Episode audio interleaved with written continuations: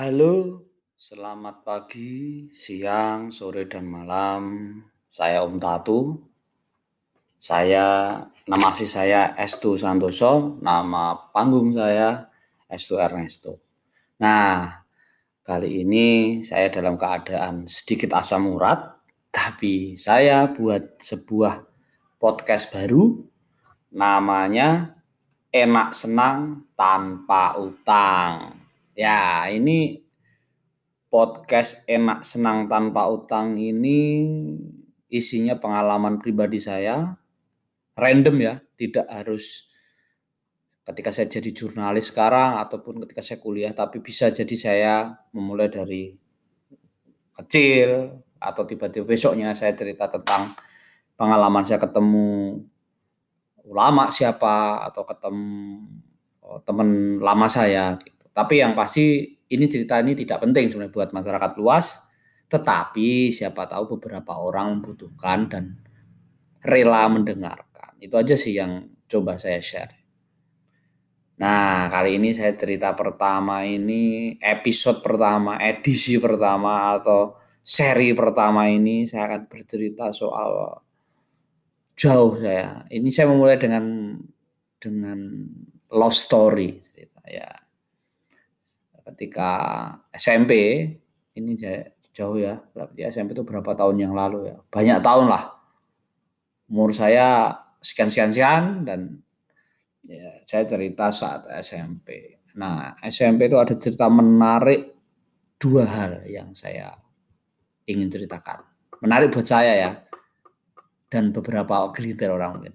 Pertama ketika itu saya eh, SMP saya di kelas second favorit. Jadi di SMP itu di SMP saya di SMP Purwantoro Wonogiri itu tenggaranya Solo. Jadi kalau arah Solo tenggara. Uh, uh, tenggara ke lurus lagi ke Ponorogo, kalau ke timur, kalau ke selatan ke Pacitan. Saya nggak bahas itu, itu border perbatasan tapi saya membahas waktu SMP 94. Nah, ketika itu saya di kelas 1B SMP Purwantoro 1. Saya di kelas saya itu waktu dulu kan ada apa penataran P4 ya, zaman dulu. 9 masih Orba pertengahan 90-an itu ada eh, pedoman penghayatan pengawalan Pancasila.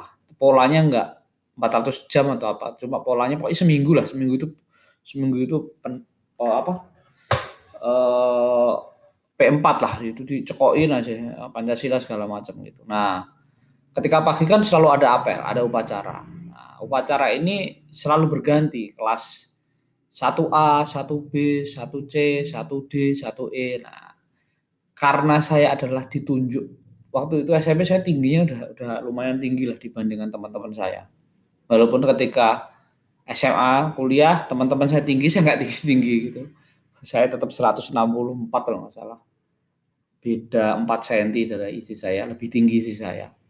Tapi tidak masalah, toh dia jodoh saya kan. Nah, nah saya eh, waktu itu eh, apa namanya eh, jadi ketua, ketua apa pemimpin upacara, panglima upacara. Jadi yang hormat kepada pembina upacara. Nah, hormat kepada sang saka merah putih. Nah, itu yang yang di tengah-tengah itu loh. Nah, jadi kalau di upacara 17-an di istana itu hormat senjata. Nah, kayak gitu. Itu itu pengalaman saya. Nah, saya itu kan orang yang dari kecil sebenarnya sering ikut pramuka kan dipaksa untuk ikut pramuka biar gengsi lah. Tapi saya punya penyakit sebenarnya penyakit dalam tanda kutip. Saya itu nggak bisa membedakan kanan dan kiri dengan cepat. Jadi karena saya diajari ibu saya kalau makan dengan tangan baik, tangan kanan, minum dengan eh, apa cebok dengan tangan jelek, tangan kiri. Jadi di otak saya bahkan sampai tua sekarang saya itu tangan kanan dan tangan kiri itu tidak, tapi tangan baik dan tangan jelek. Gara-gara itu saya akhirnya uh, apa namanya? Saya akhirnya apa namanya? Uh, bingung. Ketika ini dan ini lucunya ketika sudah upacara sudah mau habis. Jadi dari mulai uh, pembukaan segala macam baca itu saya lancar. Hormat gerak uh, istirahat di tempat gerak lancar. Sampai kan ada apa namanya kalau upacara uh, pembacaan Pancasila terus amanat terus apa pidato kepala sekolah atau apa itu kan itu lancar. Nah nah ketika upacara terus pembawa acaranya bilang upacara telah selesai panglima upacara siap bubarkan pasukan gitu kan. Kan saya langsung putar balik gitu putar balik. Putar balik itu saya bener tuh saya bener. Putar balik. Tahu nggak? Waktu itu saya kan pada semua pasukan upacara bubar jalan gerak. Eh apa ya bubar jalan gerak itu nggak boleh. Harusnya bubar jalan doang. Jadi bubar jalan gerak. Itu pada ketawa. Beberapa orang yang tahu PBB uh, apa? PBB itu singkatannya uh, baris-baris itu loh. Itu kan nggak boleh. Ya kalau gerak berhenti lagi. Kan siap gerak. Kencang kanan gerak. Hormat gerak gitu kan. Kan diem.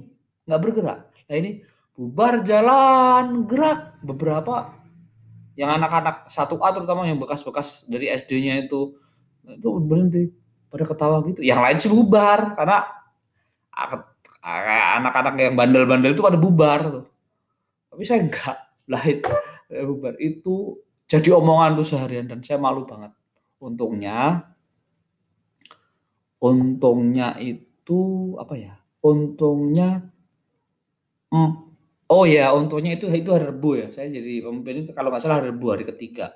Untungnya hari ke Kamis, Jumat itu saya sudah izin karena hari Sabtu saya sunat. Jadi saya diizinin dan ya karena koneksi ya Bapak saya kenal sama guru-gurunya ya koneksi saya bisa nggak masuk.